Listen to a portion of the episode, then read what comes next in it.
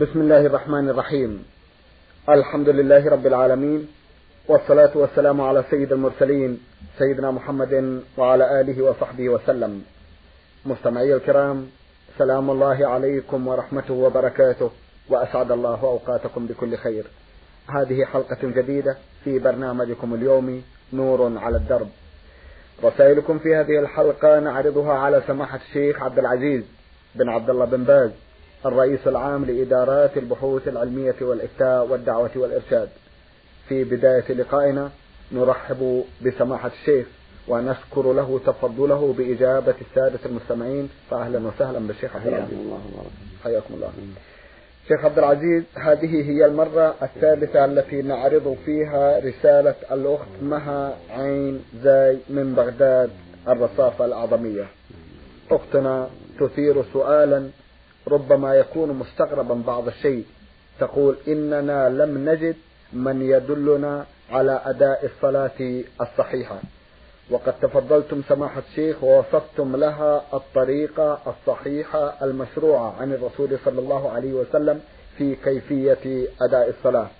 ولا أشك أن لسماحة الشيخ بعض التعليقات على ما تقدم ولا سيما وأن البعض يذكر أن للمرأة صورة معينة حين تؤدي صلواتها وأيضا بالنسبة للجمعة والجماعة بالنسبة للمرأة أيضا لو تكرمتم سماحة الشيخ فأرجو أن تتفضلوا بتكملة ما بدأتموه بسم الله الرحمن الرحيم. الحمد لله وصلى الله وسلم على رسول الله وعلى آله وأصحابه ومن اهتدى بهداه. أما بعد فقد سبق بيان صفة صلاة النبي صلى الله عليه وسلم في حلقتين. نعم.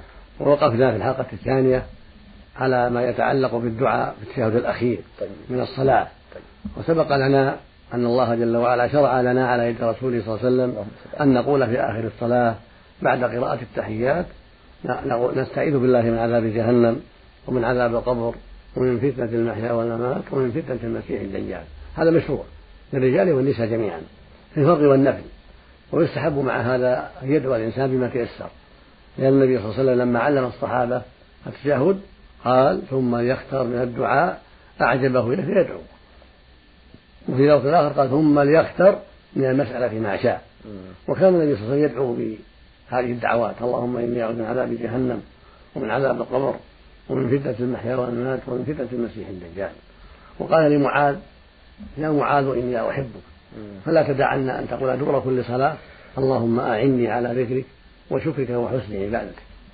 وثبت عنه صلى الله عليه وسلم من حديث علي رضي الله عنه أنه كان يقول في آخر الصلاة قبل أن يسلم اللهم اغفر لي ما قدمت وما أخرت وما أسررت وما أعلنت وما أسرفت وما أنت أعلم وما أنت أعلم به مني أنت المقدم وأنت المؤخر لا إله إلا أنت.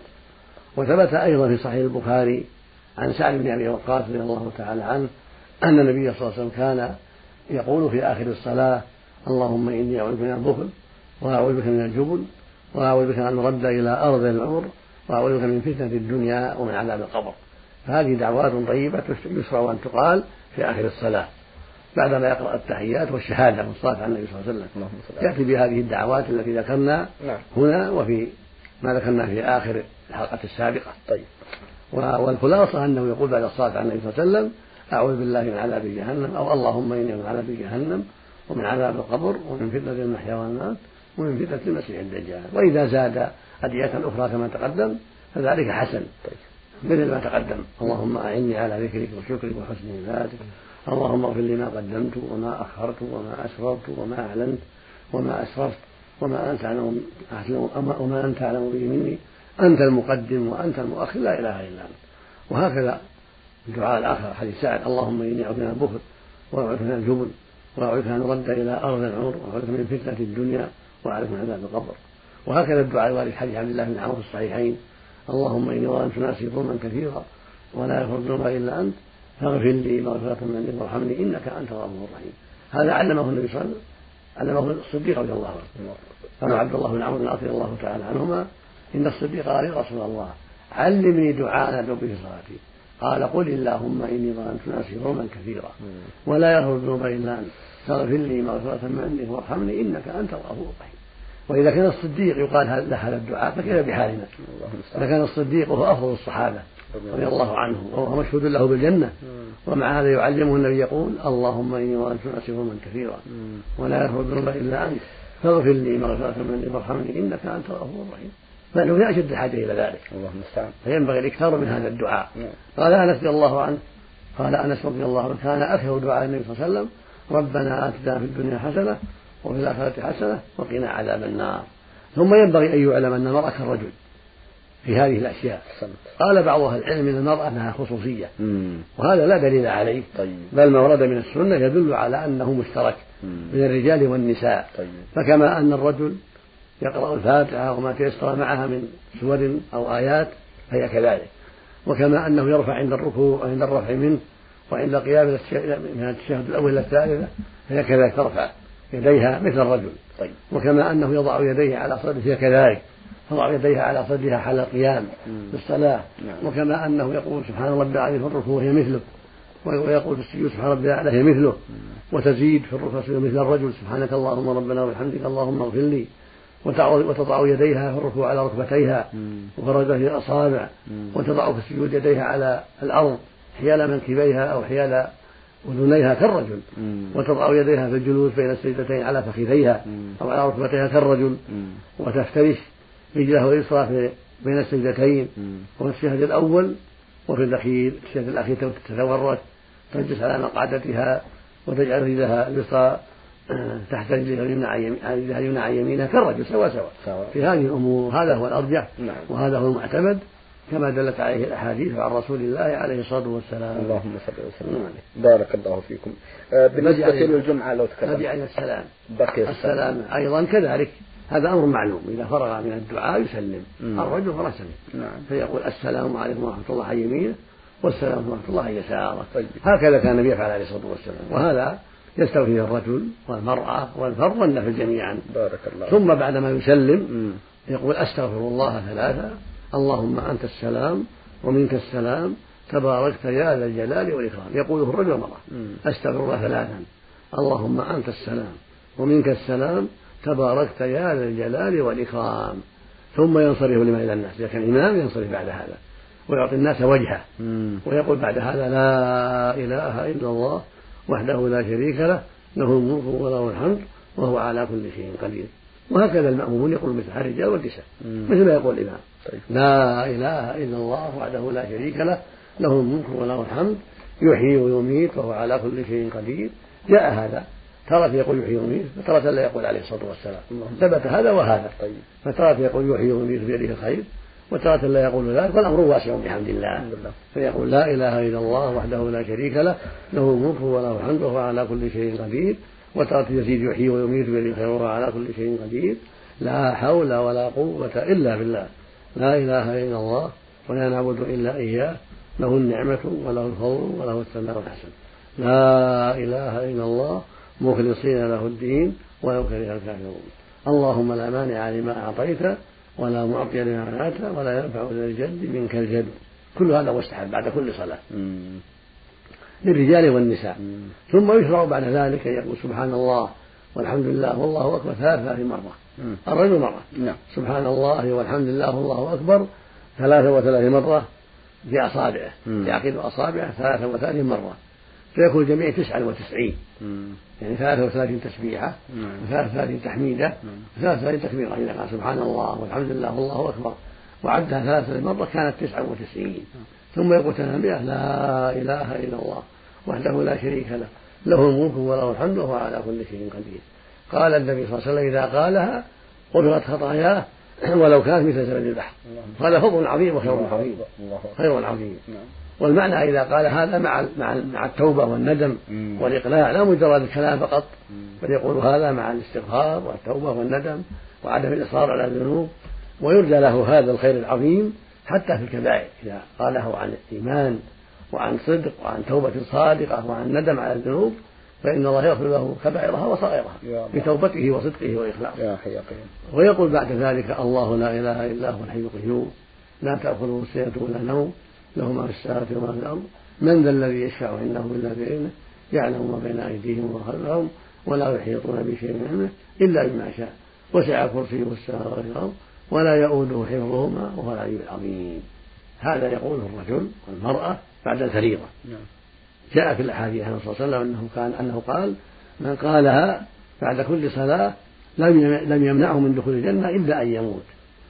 والحديث فيه كلام لأهل العلم ولكن بعض طرقه صحيحة فالأرجح أنه ثابت وأن هذه القراءة مستحبة وهذه الآية يقال آية الكرسي أيوة. وهي أعظم آية في كتاب الله هي أفضل آية وأعظم آية في كتاب الله لا. الله لا إله إلا هو الحي القيوم هذه يقال آية الكرسي طيب. وهي أعظم آية وأفضل آية مم. يستحب أن تقال بعد بعد الصلاة بعد السلام بعد هذا الذكر ويستحب أن تقال أيضا عند النوم وهي من أسباب حفظ الله العبد من الشيطان. فهي آية عظيمة ينفع الله بها العبد وهي من أسباب دخول الجنة. إذا قالها بعد كل صلاة فريضة بعد الظهر والعصر والمغرب والعشاء والفجر وهكذا يقولها عند النوم وتكون من أسباب حفظه. يقول من قالها؟ يقول النبي صلى الله عليه وسلم من قالها؟ لم يزل على الله عليه من الله حافظ ولا يقربه الشيطان حتى يصبح. هذا فضل عظيم. الله أكبر. كذلك يستحب له بعد هذا أن يقرأ قل هو الله أحد المعوذتين المصلي الإمام والمنفرد والمأموم بينه وبين نفسه. قل هو الله أحد قل هو قل أعوذ برب الفلق قل أعوذ بالله مرة واحدة بعد الظهر والعصر والعشاء. أما بعد المغرب والفجر فيقولها ثلاثا. يقرأ هذه السورة الثلاث ثلاثا. قل هو الله ثلاثا قل أعوذ برب الفلق ثلاثا قل أعوذ برب الناس ثلاثا بعد الفجر والمغرب. ويستحب أيضا بعد الفجر والمغرب زيادة أن يقول لا إله إلا الله وحده لا شريك له له الملك وله الحمد يحيي ويميت وهو على كل شيء قد عشر مرات زيادة بعد الفجر والمغرب جاء في ذلك عدة أحاديث عن النبي صلى الله عليه وسلم. اللهم صل عليه والله جل وعلا هو المسؤول أن يوفقنا جميعا للتأسي به صلى الله عليه وسلم والمحافظة على سنته والاستقامة على دينه حتى نلقاه سبحانه. يا الله. جزاكم الله خيرا. أه، سماحة الشيخ وردت بعض الأمور بودي أن نستفسر عنها لو تكرمتم حتى لا يكون هناك إشكال متوقع. بالنسبة أه، للجمعة والمرأة سماحة الشيخ. إذا صلتها في بيتها. الجمعة ليست واجبة على المرأة. طيب. بل على الرجال وهكذا جماعة ليست واجبة على المرأة بل على الرجال. مم. والسنة المرأة أن تصلي في بيتها الجمعة غير الجمعة. طيب. في بيتها أفضل لها. نعم. لكن إن صلت مع الناس أجزأتها الجمعة الظهر.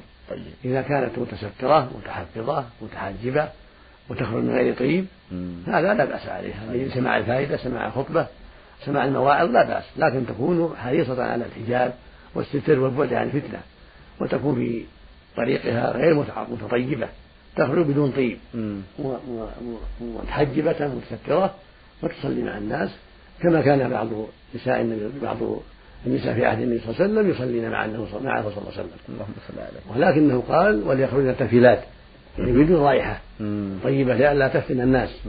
ويكن غير متجملات في الخروج لئلا يفتن الناس أيضا. وقال صلى الله عليه وسلم وبيوتهن خير لهن. اللهم صل عليه وبيوتهن أفضل في الفرض والنفل في جميع الأحوال. طيب. لكن لو صلت مع الجماعة مع الستر والحجاب والعناية والبعد عن أسباب الشر وعن الرائحة الطيبة الطيب فلا بأس بذلك. أيوة. وهكذا بقية الأوقات الظهر والعصر والمغرب والعشاء والفجر. لو صلت مع الناس بهذا الشرط بشرط العناية بالستر والحجاب وعدم الطيب فلا بأس بذلك. ولكن مع هذا كله بيتها أفضل له. وأبعد لها فتنة والله ولي التوفيق. جزاكم الله خيرا. إذا آه، أفهم مما تفضلتم به سماحة الشيخ أن المرأة لا جمعة عليها. ليس عليها جمعة. ليس تصلي مرة تصليها في بيتها. جزاكم لكن إذا صلت مع الناس جمعة أجزأتها وكفتها. بارك الله فيكم. كالمريض مع الإنسان الجمعة نعم. ومع ذلك لو صلى مع الناس أجزأته الجمعة. بارك الله وكالعبد المملوك ليس عليه جمعة. وإذا صلى مع الناس أجزأته. طيب. نعم. وهكذا المسافر. نعم. وهكذا المسافر لو صلى مع الناس. الجمعة أجزأته عن الظهر وما عليه جمعة المسافر. لو مر بلدا وهو مسافر صلى معهم الجمعة أجزأته عن الظهر. أيوة. نعم. أختنا سماحة الشيخ آه، تلفت النظر في مقدمة رسالتها حيث تقول حيث لم نجد أحدا يخبرنا ويهدينا إلى الصواب. ويبدو لي أن لسماحة الشيخ وقفة عند هذا. بلد بأكمله لا يوجد فيه من يخبر أهله عن شيء من أمور دينهم. لا بد لسماحة الشيخ أن يقول شيئا. هذا حسب علمها. حسب علمها فيها لا حسب. والذي نعتقده أنه يوجد في بغداد من الأخيار ومن طلبة العلم من يعلم هذا من يعلم هذا ويستطيع أن يوجه الناس إلى الصلاة الشرعية أيوة. والوضوء الشرعي. طيب. وغير هذا نعتقد أن في بغداد من الخيار إن شاء الله من يقوم بهذا. بارك لكن لم يكن عندها وحولها في حارتها وحيها. من يعلمها هذا؟ هذا هو هذا هو المظنون بها والمعتقد أنها تريد من حولها. طيب. في حيها وحارتها ومن يتصل بها. جزاكم نعم. الله خيرا. آه، سماحة الشيخ لعله من آه، تحصيل الحاصل أن أنبه إلى السنة الحسنة التي اتبعتها الرئاسة العامة لإدارات البحوث العلمية والإفتاء والدعوة والإرشاد في المملكة وهي إعلان التليفونات آه، حتى يتصل الناس بمن يريدون استفتاءه عن أمر من الأمور. صحيح هذا طيب. لعل استحسان هذا في الرئاسة أيضا يجعله معمولا به في جهة أخرى. إعلان التلفون طيب. أيوة. لأن الناس يحتاجون إلى هذا في أوقات لا يتيسر لهم سماع الكلام عن الدرب أو ما تيسر لهم إرسال السؤال أو ما أشبه ذلك. نعم.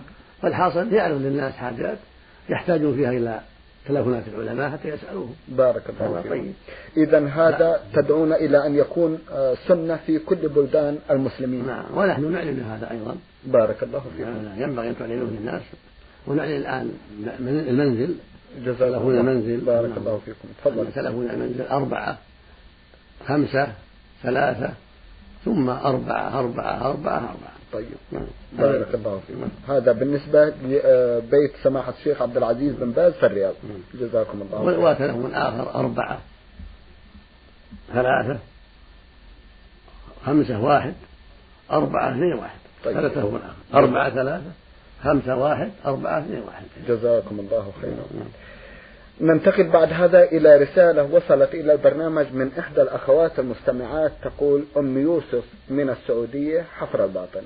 أختنا تقول إنها امرأة استعملت حبوب منع الحمل فتغيرت مدة العادة الشهرية لديها بدل خمسة أيام صارت عشرة أيام. هل يجوز لها ترك الصلاة في الأيام الخمسة الإضافية؟ أفيدونا تقول. نعم ليس نعم. انتقلت العادة العادة تنتقل وتتغير. من خمسة إلى ثمانية وإلى عشرة وإلى سبعة لا بأس. إذا انتقلت العادة إلى هذا فلا بأس. لا تصلي ولا تصوم. فإن العادة تنتقل. طيب. وتنقص أيضا. طيب. قد تكون العادة سبعا في- فينقطع الدم لخمس. قد تكون العادة سبعا فيستمر إلى عشر. فعليها أن تصلي وقت الدم. بارك الله إلى خمسة عشر. طيب. إذا بلغت خمسة عشر فالجمهور يقولون تكون استحاضة بعد ذلك. ترجع إلى عادتها سبع ست المعروفة والباقي استحاضة. تصلي فيه تصوم توضأ لكل وقت صلاة تستنجي بالماء تحفظ بالقطن ونحوه وتصلي حتى تأتي العادة المعتادة طيب. إلى دورها يعني دورة العادة المعتادة طيب. نعم.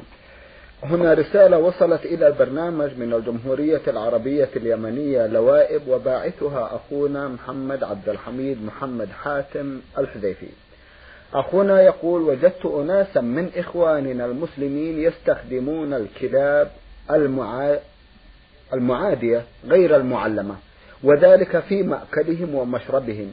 وأيضا يركب الرجل في السيارة ويضع الك... ويركب الرجل في السيارة ويضع الكلب أمامه ويداعبه بيديه. فوقفت أمامهم وقلت لهم إن هذا الكلب لا يجوز استخدامه لما فيه من النجاسة المغلظة. فأجابوا قائلين إنه يوم ولد هذا الكلب أخذوه وغسلوه بالصابون والماء بعدما كان نجسا وقد أصبح اليوم طاهرا. وقد استدلوا بأصحاب الكهف وكلبهم الباسط ذراعيه بوصيدهم كما وصفهم الله بقوله وكلبهم باسط ذراعيه بالوصيد فما هو الحكم في هؤلاء؟ وهل يطهر الكلب بعد نجاسته؟ أفيدونا بارك الله فيكم. ثبت عن رسول الله عليه الصلاة والسلام أنه قال من اقتنى كلبا إلا كلب صيد أو ماشية أو زرع فإنه ينقص من أجله كل يوم قيراطان يعني من الأجر. هذا يدل على أنه ما ينبغي اقتناء الكلب ولا يشرع اقتناءه بل ظاهر الحديث منع ذلك. ما دام ينقص الأجر يحصل له في أجله ينقص قيراطان هذا أمر خطير. هو يدل على كراهة ذلك أو تحريمه. ومعلوم أن المؤمن ينبغي أن يبتعد عن كل ما ينقص أجره. فلا يقتنى كلب إلا لهذه الثلاث إما لصيد وإما لماشية وإما لزرع إما يقتني لأجل الصيد وإما لحفظ الماشية يكون مع الماشية يطرد عنها الذئاب إذا سمعه أهل الماشية قاموا وطرد الثياب وطرد الثياب أيضا والثياب تهاب صوته إذا سمعت صوته تهاب لأنها تعلم أنه ينبه أهل الماشية وهكذا الزرع يكون في المزارع يعني للتنبيه على ما قد يرد عليها من سراق أو أو بهائم تعث فيها أو ما أشبه ذلك. وما زاد على ذلك لا لا يقتنى الكلب فيه. هذا اللي اقتناه وصار يحمله معه في السيارة. هذا قد غلط. وهو على خطر من نجاسته وعلى خطر من نقص أجره الذي بينه النبي صلى الله عليه وسلم أن ينقص كل يوم من أجل قيراطان فلا ينبغي أبدا اقتناؤه لغير هذه الثلاث المصالح التي بينها النبي عليه الصلاة والسلام. وتغسيله لا يطهره. تغسيل الكلب ولو غسله كل يوم لا يطهره. نجس نجس الذات مثل لو غسل الخنزير لا يطهر الخنزير لا يطهر الكلب لا يطهر بالتغسيل هو نجس ولو غسل ولو غسل بالصابون كل يوم هو نجس. ولو بلغ في الإناء وجب يغسل الإناء منه سبع مرات بالتراب منها بالتراب. كما قال النبي صلى الله عليه وسلم إذا إذا ولغ الكلب في إناء أحدكم فليغسل سبع مرات. أولاهن بالتراب. فالمقصود أن الكلب نجس. ولهذا قال عليه الصلاة والسلام طهور إناء أحدكم إذا ولغ الكلب أن يغسله سبع مرات. أولاهن بالتراب. فجعلها طهورا. فدل ذلك على أنه نجس وأن هذا الماء إذا فعل سبع مرات يطهر الإناء. وكذلك ما يتعلق بكلب أهل الكهف هذا لا يدل على جواز اقتناء الكلاب. فلعلهم اقتنوه للصيد أو لناشر عندهم والأغلب أنهم كانوا في الصيد يصيدون به ما يتقوتون به. فلا فلا فلا حرج في ذلك إذا حبس عندهم الكلب وربوه وعلموه حتى يصيدوا به أو حتى يحمي المزرعة أو الماشية لا بأس بهذا كما تقدم. فلا يجوز أنهم لا يحملوه على أنهم اقتنوه للعب أو لحاجات أخرى لا. يحمل على محمل حسن لأنهم أهل خير وأهل استقامة وأهل طاعة. نعم. ثم هذا شرع لمن قبلنا ليس شرعا لنا. هذا هؤلاء قبلنا قبل بعد محمد عليه الصلاة والسلام. فلو قدر أن الرسول صلى الله عليه وسلم نهى عن الكلب لكان كلبهم لا وجود كلبهم عندهم لا يكون شرعا لنا. نعم. لكن ما دام شرعنا أجاز الكلب للماشية والصيد والزراعة فنحمل كلبهم على أنه كان عندهم لهذه لواحدة من هذه نعم. والله ولي التوفيق. جزاكم الله خيرا. يقول كنت ذات يوم ألعب الكرة وقد حدث أن جرحت أن جرحت رجلي جرحا مؤلما ودخل وقت الصلاة فتوضأت الوضوء الكامل. غير أني لم أغسل مكان الجرح فكنت أصلي والدم ينزف مني ودمت على ذلك خمسة أيام فهل صلاتي صحيحة مع العذر أم أنها غير صحيحة؟ أفيدونا بارك الله الواجب في هذا أنك تجعل الجرح شيئا يمسك الدم كبيرة يعني خرقة تلفها عليه أو ما أشبهها مما يحبس الدم ويوقف الدم حتى تمسح على هذه الجبيرة فإن لم يتيسر تيمم عن ذلك. بعد الوضوء تتيمم عن ذلك ويكفي عن عن محل الجرح ولكن ضبطه بلفافة أو جبيرة ثم تمسح عليها هذا هو الواجب لأنه هو الطريق المتبع. فإذا لم تفعل ذلك فإن قضيت هذه فهو أحوط إن قضيت الأيام الخمسة التي فعلتها بدون مسح ولا تيمم هذا هو الأحوط لك لأنك فرطت في هذا الأمر وهو أمر واضح. إما بضبط الجرح والمسح عليه وإما بالتيمم بعد ذلك لأنك تستطيع التيمم عن هذا الجرح الذي بقي محله لم يغسل والله ولي التوفيق. نعم. ما هو الحكم في رجل في رجل استعقد عقد النكاح عن ولده بدون وكالة من ولده وبدون إذنه؟ علما بأن الولد يبلغ عشرين من عمره وأيضا كان الولد حاضرا أثناء العقد فهل العقد صحيح أم أنه باطل شرعا؟ أفيدوني ولكم جزيل الشكر. لا يصح العقد إلا بإذن الزوج. أو مباشرته إما بتوكيله وإلا مباشرته ولو أنه والد إذا كان الزوج مكلفا فإن الوالد لا يعقد له إلا بإذنه. كما أنه لا يعقد على البنت بالغة تسعا إلا بإذنها على الصحيح. فالرجل من باب أولى لا يزوجه إلا بإذنه إذا كان قد بلغ الحلم. وهذا قد بلغ الحلم ولم يأذن فلا يكون الزواج صحيحا. إلا إذا كان قد أوضاه لأن قال تزوج لأن لأنه حاضر هذا يدل على أنه قد رضي بهذا وقد أمضى والده في ذلك وجعله يتزوج عنه. فإذا كان قد فعل مع ولده شيئا يدل على أنه سامح بذلك من كلمة مناسبة أو شيء يدل على أنه موافق وأنه يرضى بأن يزوجه والده فالنكاح صحيح. لأن حضوره يدل على أنه راض بذلك لم يتكلم ولم يمنع. فالحاصل أن إذا وجد من من الولد ما يدل على إذنه لوالده وسماحه لوالده في التزوج عنه فإنه صحيح. أما إذا كان لم يتكلم ولم يقل شيئا يدل على الوكالة والإذن ولم يسأله أبوه عن شيء يدل على ذلك فإن هذا الزواج تجب إعادته. إذا كانت الزوجة ترغب وهو يرغب. إذا كان الرجل يرغب والمرأة ترغب فإنه يجدد النكاح لأنه صدر من من غير زوج ولا وكيل. نعم. بارك الله فيكم. سمحت شيخ انتهى وقت هذه الحلقة. كل أمل أن يتجدد اللقاء بكم مرات ومرات وأنتم والمستمعون على خير. نسأل الله ذلك. اللهم آمين. مستمعي الكرام كان لقاؤنا في هذه الحلقة مع سماحة الشيخ عبد العزيز بن عبد الله بن باز الرئيس العام لإدارات البحوث العلمية والإفتاء والدعوة والإرشاد. من الإذاعة الخارجية سجلها لكم زميلنا سليمان الحيدان. أما أنتم فشكرا على متابعتكم ونرجو أن تهتموا بخطوطكم حتى يتسنى لنا قراءة الرسائل قراءة صحيحة. شكرا وإلى الملتقى وسلام الله عليكم ورحمته وبركاته.